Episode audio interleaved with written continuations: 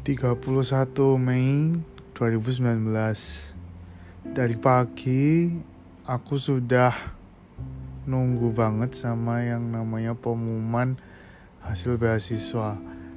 Uh, Ini tahap baru tahap pertama dari tiga tahap besar Dari tiga tahap kecil. Setelah itu bakal di screening lagi. Nah untuk yang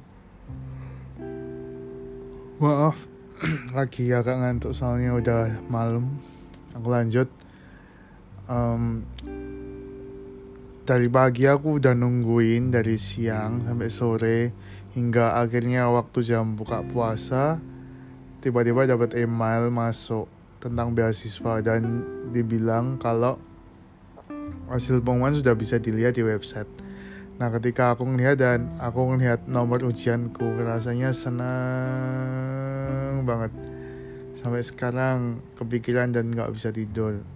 Penantian yang kemarin juga terhitung tidak sia-sia.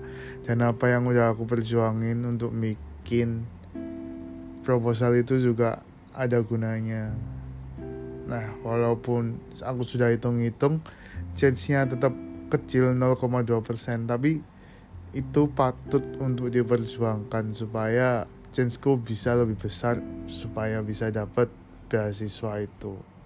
Mungkin sampai sini dulu. See you again friends